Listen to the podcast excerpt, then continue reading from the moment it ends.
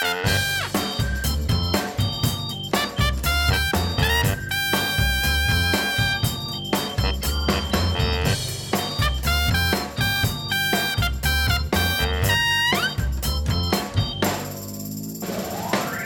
dag nadat Nederland in rouw is gedompeld door een aanslag in Utrecht, komen Dick en Jeffrey weer samen voor de CIP-podcast. Dickie, Hey, hallo. goed dat je er bent, man. Zeker, ik ben, ik ben er zeker, ja. Gelukkig wel, zou ik zeggen. Ja, Ja, zeg, ik eh, begon de podcast een beetje met een ernstige noot, want eh, er is nogal wat gebeurd eh, gisteren zeker. in de stad waar wij hier werkzaam zijn. Want wij werken in Utrecht, voor de mensen die dat niet weten. Ja, we werken in Utrecht en dit is gebeurd ook heel dichtbij de plek waar we een paar maanden geleden nog werkten. Ja, Ik eh, zat heel vaak in deze tram ook om naar werk te gaan. je hebt in die tram gezeten ja, toen je naar je werk ging. Ja, heel vaak. Dan stapte ik precies uit bij het 24 oktoberplein waar het gebeurd was. En dan liep ik dan nog vijf minuten naar... eh, zo dichtbij was Ja. het, hè? Ja, het is zo, ja. Dus dat is wel heel eh, onwaarschijnlijk, zeg maar. Ook dat het zo dichtbij plaatsgevonden heeft. Ja, Zo. ja man. Ja. Dus het is wel... maar voor jou is het al helemaal dichtbij, hè? Ja, wij wonen, Neline en ik wonen op eh, zo'n vijf minuten afstand van de, ja, van de rampplek, zal ik maar zeggen. Ja, En onze kerk die staat nog dichterbij. Die staat denk ik maar 300 meter van eh, het, Oktoberplein vandaan. zo. Ja, Echt bizar, joh. ja. En heb je er ook nog iets van gezien gisteren? Dat je, of ben je niet op die plek geweest? Nou, ik mocht natuurlijk overdag mocht ik die wijk niet in. Dus, en we moesten sowieso binnen blijven. En toen op een gegeven moment mochten we volgens de burgemeester mochten we naar buiten. En toen ben ik gewoon naar huis gegaan na mijn werk. En toen, ja, volgens mij heb ik in die wijk wel 50 politieagenten gezien. En allemaal van die eh terreurcommando's, zal ik maar zeggen. Met van die grote geweren op hun rug. Zo. Ik denk dat toen net een beetje de fase was als ze die, dat ze die verdachte hadden opgepakt. Want ze gingen toen ook een beetje afruimen en zo. Maar Ja. het, alles was toen nog afgezet, zeg maar. Ja. Oh joh, dus jij... Maar, maar moest je ook nog wachten op werk dan, voordat je weer naar huis kon? Of, eh, Nee, ik heb niet hoeven wachten. Nee, nee, want eind van de middag kon je, kon, mocht iedereen weer naar buiten volgende burgemeester. Dus Ja, eh, precies. ja, ik hoefde hier niet te wachten. Ja joh. Hé, hey, maar dit is wel echt iets... eh, ja, je, je had niet met- als eerst verwacht dat het, eh, dat het hier meteen zou gebeuren misschien. Nee, je zou denken, als er dan een aanslag gebeurt, dan denk ik in ieder geval eerst aan Amsterdam. Want het is toch een beetje, eh, ja, de stad van Nederland, zal ik maar zeggen. Als je dan Nederland wilt treffen. En ik denk dan ook gauw aan wat, wat drukkere plaatsen. Zoals, ja, ik denk bij aan Koningsdag, dan is het mega druk altijd Ja, in. Utrecht. Dan, dan denk ik van, dat is de plek dan voor een aanslag. En niet eh, op dinsdag, op maandagochtend in een tram eh, Klopt, ja. op, het vier, op het Oktoberplein. Ja. Dus ja, Maar heb je dan ook eh, dat, je, dat, dat- je nu meer om je heen kijkt en zo? Dat je er meer bewust van bent? Of? Nou, ik had het alleen gisteren even als je dan naar huis fietst. Want dan heb je nog al die beelden in je hoofd. Je bent natuurlijk alleen maar bezig met dat nieuws heel de dag. Ja. En dan fiets je naar, naar die wijk toe. En, en dan kijk je toch eventjes van... eh, ja, je weet nog, nu nog niet waar die dader zat toen. Die was nog niet, toen nog niet gepakt. Het was wel een beetje een raar gevoel om op die fiets te zitten. Ja, terwijl je weet dat die dader nog rondloopt. Ja, ja, ik ging vanochtend ook met de metro vanuit Amsterdam ook hierheen. En ik vond ook wel, ik, misschien let ik er extra op, maar ik had wel het gevoel dat heel veel mensen met een iets strakkere blik in de metro stonden. Ja, Dat mensen, eh, ik zag ook mensen die uitstapten, die keken links en rechts. Ja? Ja, heel apart. Net alsof ze een soort van eh, de situatie inschatten van stel Ja. dat er wat gebeurt, wat ga ik dan doen of zo. Ja, precies. Heel, eh, Ja. ja. ja, ik denk toch. Nou ja, en dat is natuurlijk ook wel een beetje het punt van: was dit nou een gerichte actie op zo'n dame of was het een aanslag? En dat Hmm. maakt natuurlijk enorm uit. eh, want als het een aanslag is, dan zou dat de volgende keer ook net zo goed jou en mij kunnen treffen, zeg maar. Ja. Terwijl, ja, ik bedoel, er worden zo vaak mensen doodgeschoten. Ja, die, die zitten dan waarschijnlijk of in een drugshandel of dat soort Hmm. dingen. Ja, die schieten op elkaar, maar, maar wij blijven toch wel buiten schot, zeg maar. Mhm. Ja. Ja. Dus dat is, eh, eh, ja, dat is een beetje de. eh, dat is natuurlijk nog geen, geen helder antwoord op of het nou wel of niet is gebeurd, maar dat gaat ook wel heel erg veel bepalen, zeg maar. Dat is ook zo. Ja. Ja, ja. Ik heb wel de indruk dat deze dader dat hij eh, behoorlijk eh, ver- ja, ver- verward was, zal ik maar zeggen. Ja. niet dat hij echt, eh, echt bewust volgens mij een aanslag vanuit, vanuit de naam van de islam heeft willen voorbereiden. Vanuit, Nee. vanuit Allah. Of hij heeft het dan meer gebruikt, zeg maar. Ja, Maar inderdaad komt hij niet over alsof hij, als ik het zo zie. En ook, hij had ook een filmpje op geen stijl, maar ik weet ook niet zeker of hij dat dan was. Maar als je, als je hem zo ziet, komt hij niet over alsof hij eh, drie keer per jaar de Koran Nee, zo op kan opzegt of zo. nee. Nee. nee. Maar goed, we moeten inderdaad de feiten toch weer afwachten. Ja, En eh, ondertussen stromen natuurlijk de reacties uit het land binnen, ook uit christelijk Nederland uiteraard. We hebben Gert-Jan Segers en Kees van der Staaij gisteren voorbij zien komen. Die hebben een reactie geplaatst op social media, omdat ze ook de campagne hebben opgeschort vanwege alle berichten uit Utrecht. En hun gedachten en gebeden gaan dan uit naar de slachtoffers en de hulpverleners, uiteraard. Wel, ik denk een nette en begrijpelijke actie van eh, deze heren politici. ja, In tegenstelling tot Thierry Baudet, want eh, eh, hij heeft gewoon zijn campagne voortgezet, volgens mij als enige. ja. Toen kwamen we gisteravond bijeen. Dus het Oh, tweetjes, ja. Hiddema en Baudet.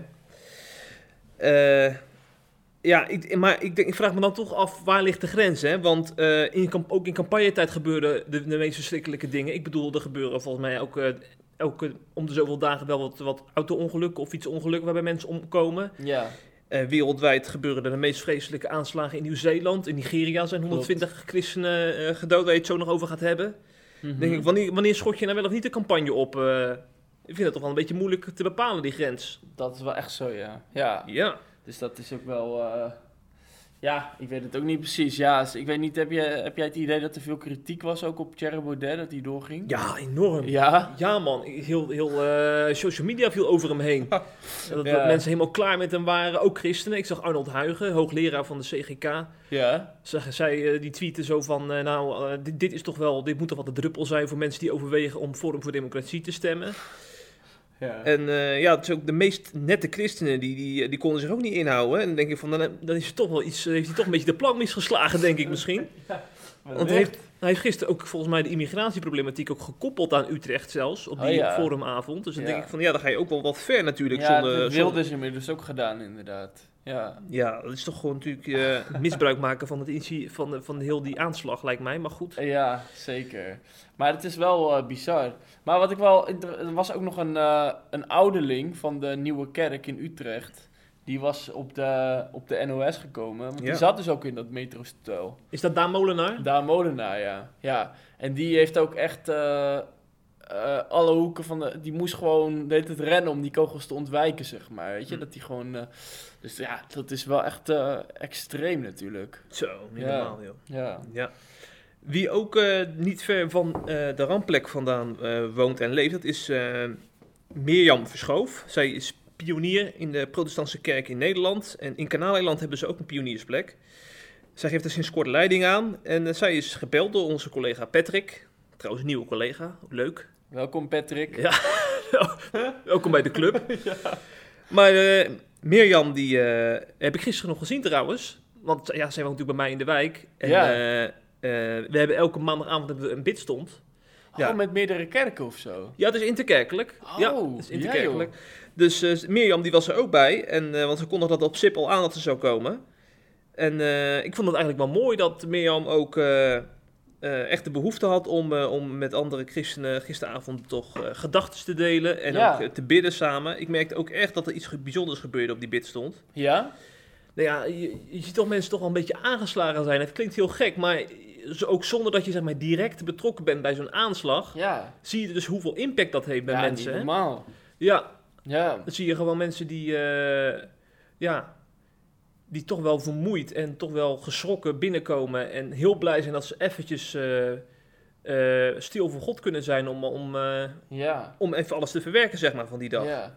Maar vorige week vertelde je ook al, hè, dat je ook een gebedslijst hebt en zo. En dat je dat ook, dat, dat je veel dingen hebt om voor te bidden. Eh, maar gi- gisteren had jij de leiding, toch, over die avond ook? Ja, ja. Ja. Meestal doen we hebben een groepje die om de beurt de leiding nemen. Ik was gisteren aan de beurt. Ja. Dus dan, eh, ja. Maar goed, gisteren was het niet heel moeilijk om de leiding te nemen. Want het is eigenlijk alleen maar een kwestie van, eh, ja, het is nou niet, pas, het is dan niet passend om een heel eh, bijbelstudie voor te bereiden. En, nee. eh, dus dan zeg je gewoon, eh, eh, ja, dan, geef je gewoon de ruimte om gevoelens te delen en Mhm. om dan eh, gebedsmomenten te hebben. En dan zing je nog wat liederen die ook passend zijn voorbij die dag. En dan eh, op een gegeven moment merk je ook dat het dan klaar is. Hè? Mensen hebben Ja. niet de behoefte om dan heel lang te plakken. Nee, dat snap ik, ja. Maar had je dan, eh, maar, maar wat voor, wat, ja, waar, wat, waar bid je dan zo al voor dan? Gewoon voor de, de vrede in Utrecht of zo? Of, eh? Ja, je bidt voor de Turkse gemeenschap. Want je hoopt Oh, natuurlijk ja. niet dat het polariserend werkt. Hè? Want je hebt natuurlijk altijd weer mensen die dan gelijk zeggen... oh, die Turken die, die moeten ons hebben. Terwijl dat ook veel te kort door de bocht is. Want je kent de feiten nog niet op dat moment. Dus dan bid je dat, eh, dat, dat de Turkse gemeenschap... en ook de andere eh, bevolkingsgroepen... dat ze in vrede leven in de wijk. Maar je bidt ook voor politieagenten, voor hulpverleners... eh, dat ze Gods kracht ervaren bij hun werk. Je bidt ook voor de overheden, hè, voor de burgemeester... Ja, bizar. die hierbij betrokken zijn. Ja, man. En eh, ja, en ook voor de gewonden natuurlijk, hè, niet te vergeten. Want er zijn vijf gewonden gevallen. Mhm. eh, waar volgens mij nog niet veel over bekend is. Ik heb al begrepen dat... eh, oh, ik moet... Ik word gebeld, joh. Tijdens de podcast. Dat heb ik nou nog nooit meegemaakt. En weet je wie er belt? Nee. De voorlichter van de ChristenUnie belt mij. Oh, Dat is toch wel een hele belangrijke man. Maar ondanks het feit dat hij zo belang- belangrijk is... moet ik deze toch even negeren, dit telefoontje. ja, wat denk Dus ik jij? stuur nu een sms'je, het komt niet goed uit. en ik eh, hoop dat hij mij respecteert. De podcast boven alles. Ja, de podcast gaat voor. Ja, Ja. De podcast wacht op niemand. Maar, eh, ja, maar ik vind dat wel heel bijzonder dat, eh, ja, dat we zo iedereen in gebed mogen opdragen. Ja, En ik, ik geloof echt dat dat ook eh, heel goed man. daar een kracht van uitgaat. Ja, absoluut. Van gebed. Dat geloof ik Zeker echt. blijven doen. Ja. Hey, Ja. en over polariseren gesproken, Mhm. was er nog iemand die daar flink wat van kon. En dat is mevrouw Elfie Tromp. Ja, dat klopt. Dat is een eh columniste van BNN-Vara. Die, heeft, die Ja. was, vorige week was ze bij Radio 1.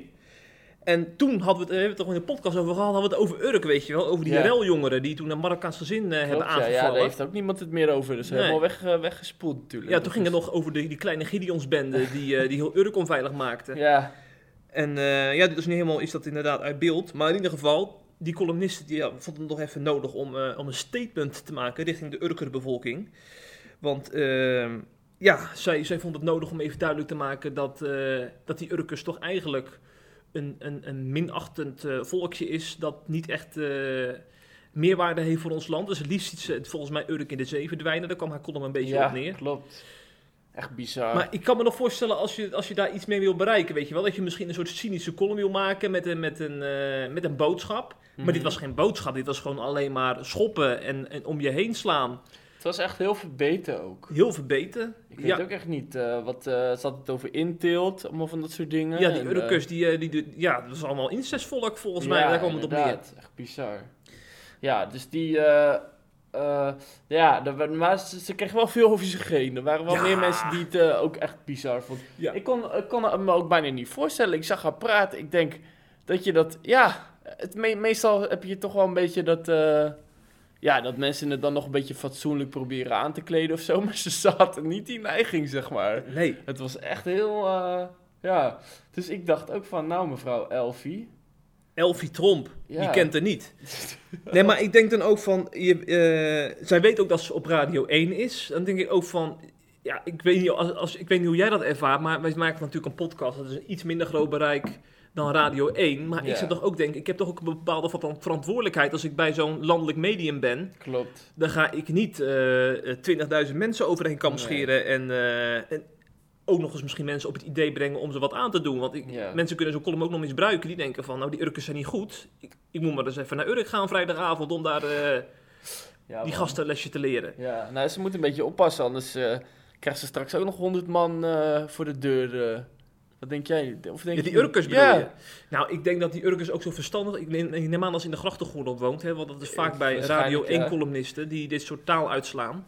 Ik denk niet dat ze de moeite nemen om helemaal naar de Randstad te gaan om, eh, om mevrouw Tromp... Dat zou te veel eer zijn voor Elfie, denk ik. Eh, ja, denk je Ik denk dat? dat Urkers dat, eh, dat haar niet gunnen, die eer. Oké. Nee, nou, nee. een geluk bij een ongeluk dan. Jazeker. Ja. Ja. En toen hebben we... Ja, eigenlijk gaan we van het ene ramp gaan we naar de andere ramp. Want je zou bijna vergeten dat er nog een enorme mega-aanslag is geweest eh, afgelopen Ja. vrijdag. Want toen hadden we natuurlijk heel, heel, eh, heel de dag hadden we het over Christchurch uit, Mhm. in Nieuw-Zeeland. Waar toen eh, volgens mij inmiddels 50 moslims zijn omgekomen door een aanslag van een rechtsextremist. Ja. En waar nu natuurlijk heel Nederland het niet meer over heeft vanwege Utrecht. Maar dat was toen natuurlijk, heel, ja, heel de wereld had het er toen over. Want het was echt, echt een hele schokkende aanslag was dat. Die Ja, heeft gewoon... wel wat extremer dan die in Utrecht. Ja, Ja. live op Facebook ging hij naar twee moskeeën. En heeft hij gewoon in, om zich heen geschoten. Dat was live op Facebook, joh. Die heeft hij live Heb je- Heb uitgezonden. je die video gezien of niet? Nee, nee, nee, nee, nee. En het was ook heel snel was het natuurlijk offline gehaald op Oh, ja. Facebook, want dat werd natuurlijk niet eh, geaccepteerd. Zo, hé. Maar eh, veel mensen hebben dat toch wel gezien. Dus het is echt bizar. Maar dat deed hij gewoon, ja, dat je dat kan ook, hè? Ja. Gewoon in koele bloeden, live, li- een livestream aan en knallen. Ja, ja.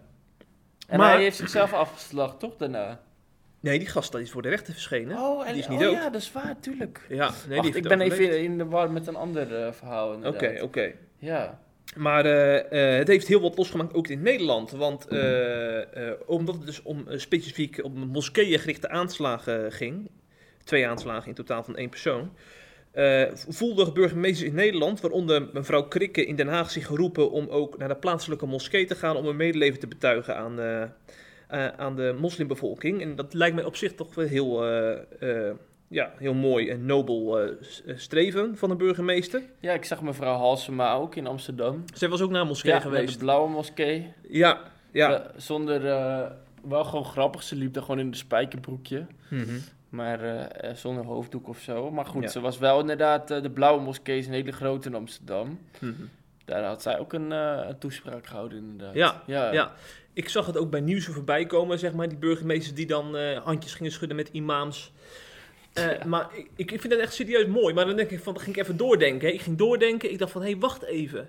Volgens mij klopt hier iets niet. Want er gebeuren... Ik weet, jij, jij volgt de christelijke wereld ook wel een beetje. Volgens mij moeten wij regelmatig berichtjes op SIP schrijven... over kerken die worden aangevallen in de Filipijnen, Klopt. in Pakistan, in Egypte. En nou is Nigeria, Nigeria. weer heel erg eh, in het nieuws. Ja, man. En dat zijn bijna allemaal berichten waarbij de islam een rol speelt. Want vaak zijn het eh, islamitische landen waarin moslim-extremisten dan op het idee komen om kerken binnen te vallen en daar de boel eh, overhoop te schieten. En dan denk ik van, waar is burgemeester Krikke dan? Want dat Mhm. vind ik dan wel heel, heel raar. Want dan ga je dus op basis van een, een verschrikkelijke aanslag in Nieuw-Zeeland... ga je als burgemeester ga je dan naar een lokale moskee toe. Maar zou die burgemeester dan wel ook eens echt de krant helemaal uitlezen? Dat ze dan ook wel eens berichten tegenkomt over christen in Irak of in, in eh, Egypte. Ja, misschien Die- staat die- dat niet in de NRC. Ja, maar Ja, ik vind dat toch wel heel erg... Ik vind het gewoon echt ja schokkend. Want ik denk dan, je bent burgemeester van, van de hele bevolking. Ja. Weet je hoeveel christenen er in Den Haag wonen? Ja. Eh, en, en zij lezen dan dat ze naar een moskee gaat en die denken van ja, maar hallo, waar, zijn, waar ben je dan als onze medebroeders iets wordt aangedaan? Wat eigenlijk bijna wekelijks gebeurt. ja. Ik vond het heel opvallend. Ja, maar wat mij ook dan opvalt, is dat ze dan bijvoorbeeld... Ja, in het geval van, van Halsema, wat ik dan zag, dan gaan ze naar die moskee toe. En dan eh, interviewen ze ook allemaal moslims. En dan krijg je ook allemaal van dat soort verhalen van... Ja, we zijn in deze wereld niet meer veilig. En eh, eh, heel erg op een manier van... eh, wat ze daar doen, dat willen de Nederlanders ook bij ons gaan doen, zeg Ja. maar. Op zo'n meteen in de slachtofferrol, terwijl ik denk van enige bescheidenheid is eventjes gepast omdat dit misschien een van de eerste aanslagen op een hele rij is, dat het een keer niet een, weet je, dat het een keer een, een, een seculier is die moslims schiet of zo. Ja. En dat, dat stoort me wel een beetje, dat ze meteen die slachtofferrol pakken. En ja, dit is toch gewoon, dit is toch gewoon eigenlijk een uitzondering, deze aanslag op de regel, zeg maar.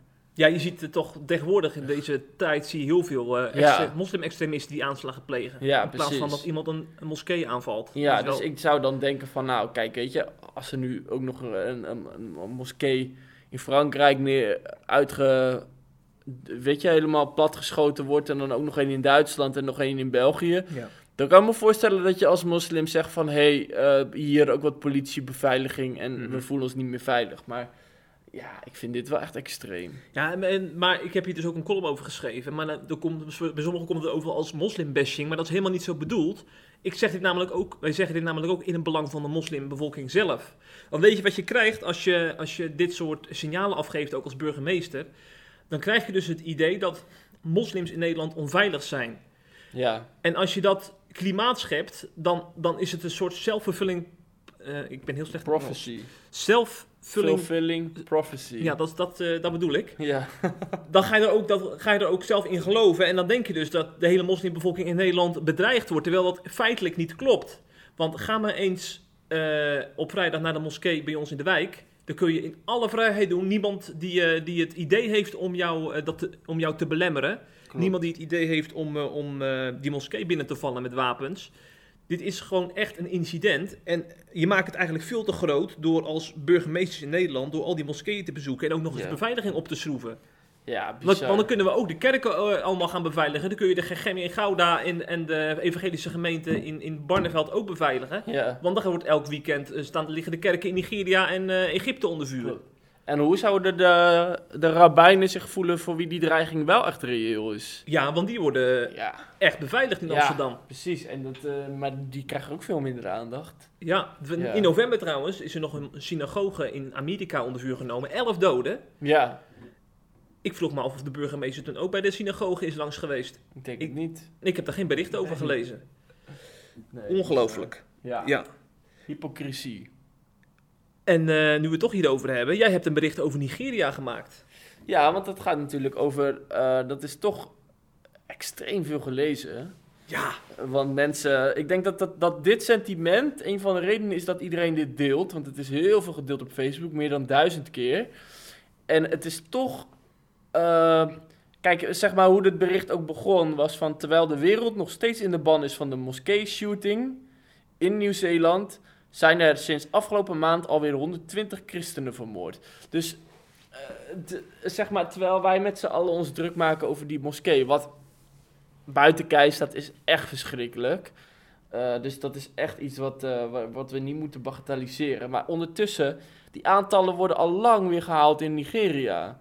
En eh, ja, dan heb je, je hebt daar bijvoorbeeld de islamitische Fulani-herders. Ja. Fulani? Fulani herders. Fulani, ja. Nou, en die hebben dus, eh, eh, daar zijn ook allerlei gevechten met, met, met moslims. Zeg maar ook over stukken land en zo. Dat gaat over veel meer dingen. Maar goed, ja, je hebt daar dus gewoon militante herders. Die dan gewoon af en toe eventjes losgaan. En laatst eh, hebben ze bijvoorbeeld in een, eh, in een dorp hebben ze een groep eh, christenen gepakt.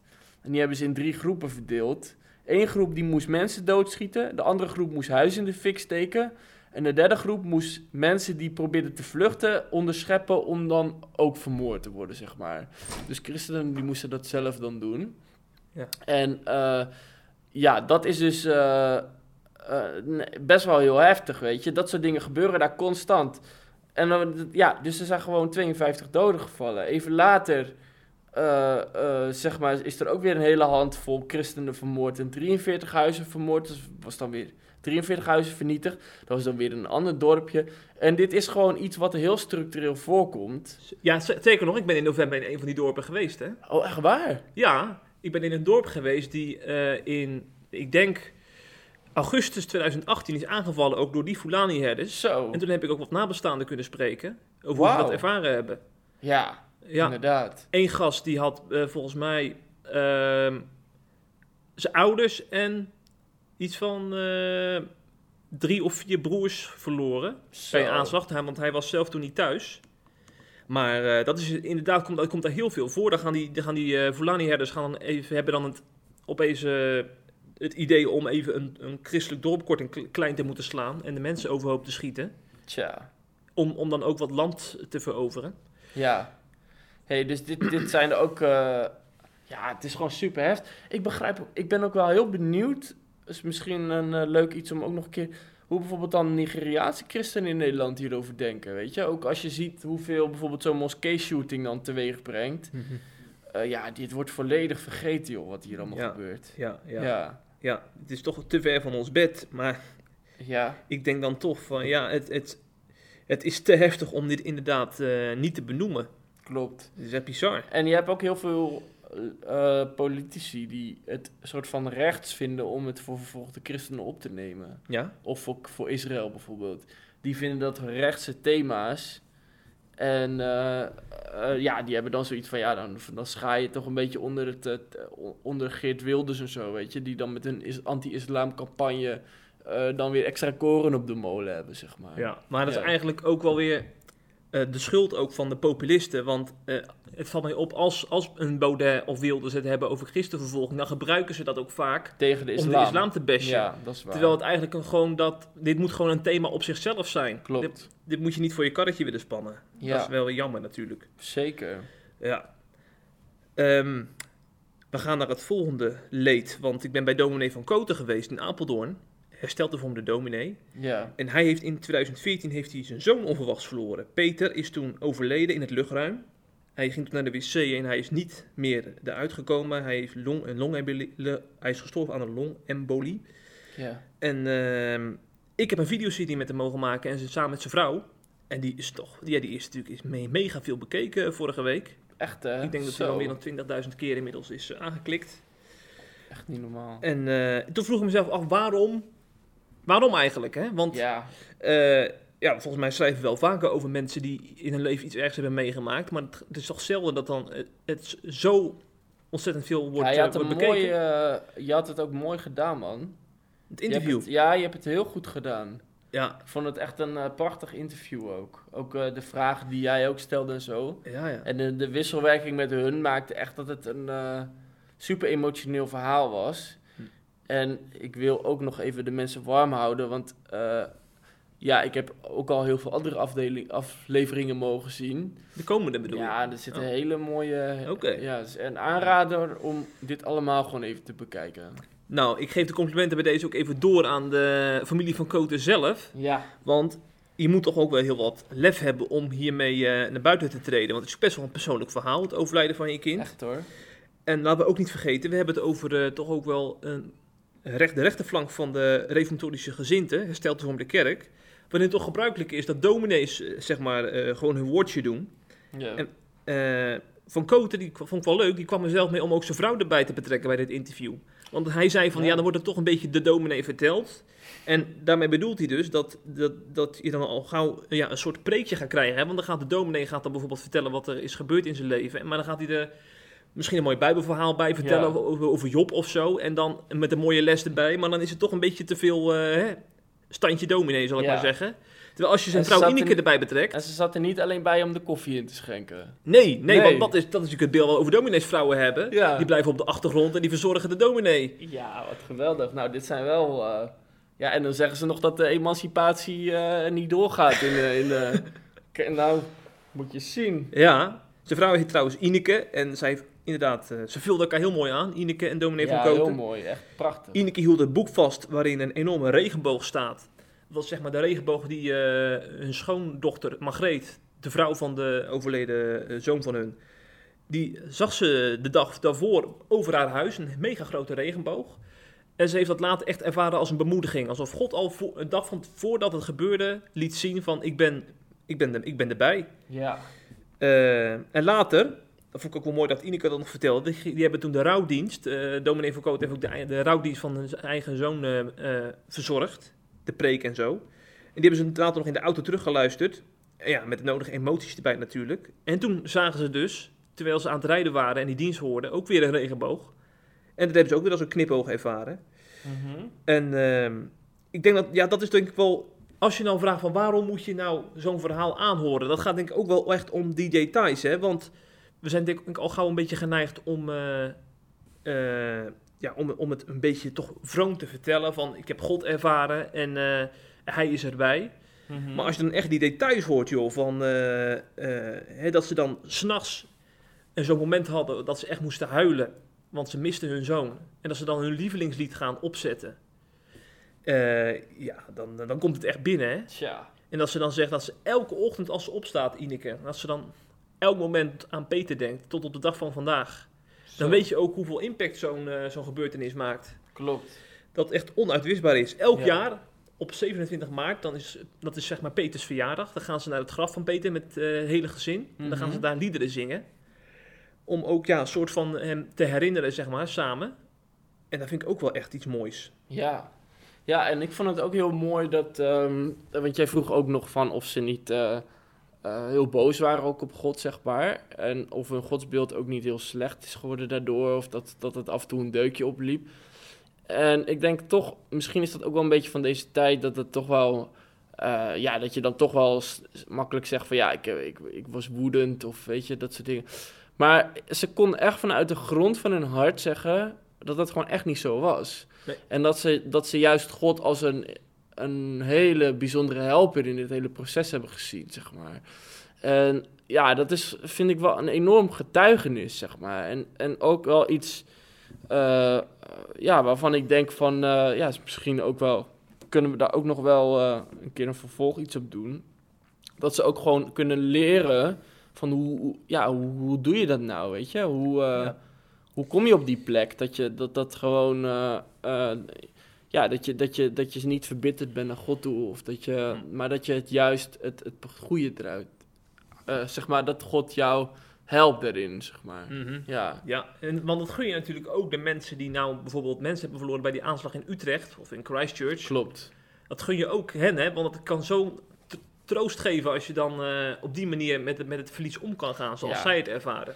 Ja, joh, er zijn zoveel mensen op de wereld die zoiets meemaken en dan vanaf dat moment eigenlijk gewoon stoppen met leven, Ja, zeg maar. ja, De hele dag alleen maar in hun verdriet blijven hangen en in, de, in, de, in, in de bitterheid. En, eh, ja, en dat is dan gewoon de rest van hun leven nog. ja, Ja, ja.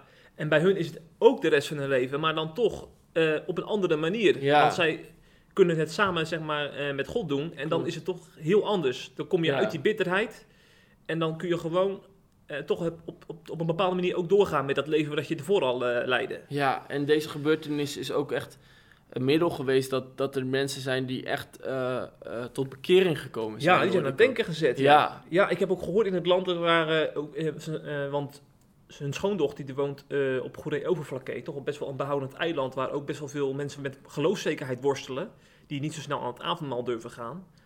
Maar door deze gebeurtenis zijn er steeds meer mensen aan het avondmaal gegaan en hebben hun leven aan, eh, aan Jezus gegeven daardoor. heel mooi. Ja. Ja. een soort van doorbraak is er toen gekomen. Geweldig. Ja. Heel mooi, man. Ja, zeker. Nou, ik ben toch blij dat we toch nog een beetje hoopvol hebben kunnen afsluiten. Want ik was Ja. toch wel, toen ik de items zag, dacht ik van, oh, oh, oh, wat een toestanden allemaal waar we het over moeten hebben. Maar dan mag er toch nog een, een, een lichtstraaltje door die duisternis heen Zeker. branden, dankzij het verhaal van Van Blijf Koten. gewoon lachen. Ja, dus- Dat zegt Paulus ook, hè? Dus het is bijbels. ja, Het is niet lichtzinnig, maar het is bijbels om altijd te blijven lachen. ja, want hoe je het ook bent of verkeerd, het kwaad heeft niet het laatste woord in deze Zo is wereld. dat. Ja, Dat is één ding dat zeker is. daarom. Ja, zeg, ik ga zo de ChristenUnie nog even terugbellen, want ik heb een gemiste oproep. En Ja. eh, voordat, we, voordat ik terug ga bellen, toch nog even ook de oproep om ons financieel te ondersteunen. Want ja, die centen hebben we gewoon nodig om ook eh, van Cote op te zoeken met ons camerateam. Want ik weet niet of je... Er komt niet één camera zo'n pastorie binnen. Er komen niet twee camera's die pastorie binnen. Nee, er komen er wel drie binnen. Want we willen hele goede shots willen we kunnen maken. Ja, We willen de professionals van de Bijbelbelt zijn. zo is en dat. daar komt dat bij kijken, mensen. Ja. Dus word CIP Plus lid. Ja, voor die vierde camera. Voor die vierde camera. Voor nog betere shots van Ineke van Koten. Want we willen haar vanuit alle hoeken kunnen, kunnen laten shinen. Zo is dat, heel goed. Ja, toch? Amen. Hey, tot volgende week, hè? Tot volgende week. Mazzel. Kop op, mensen.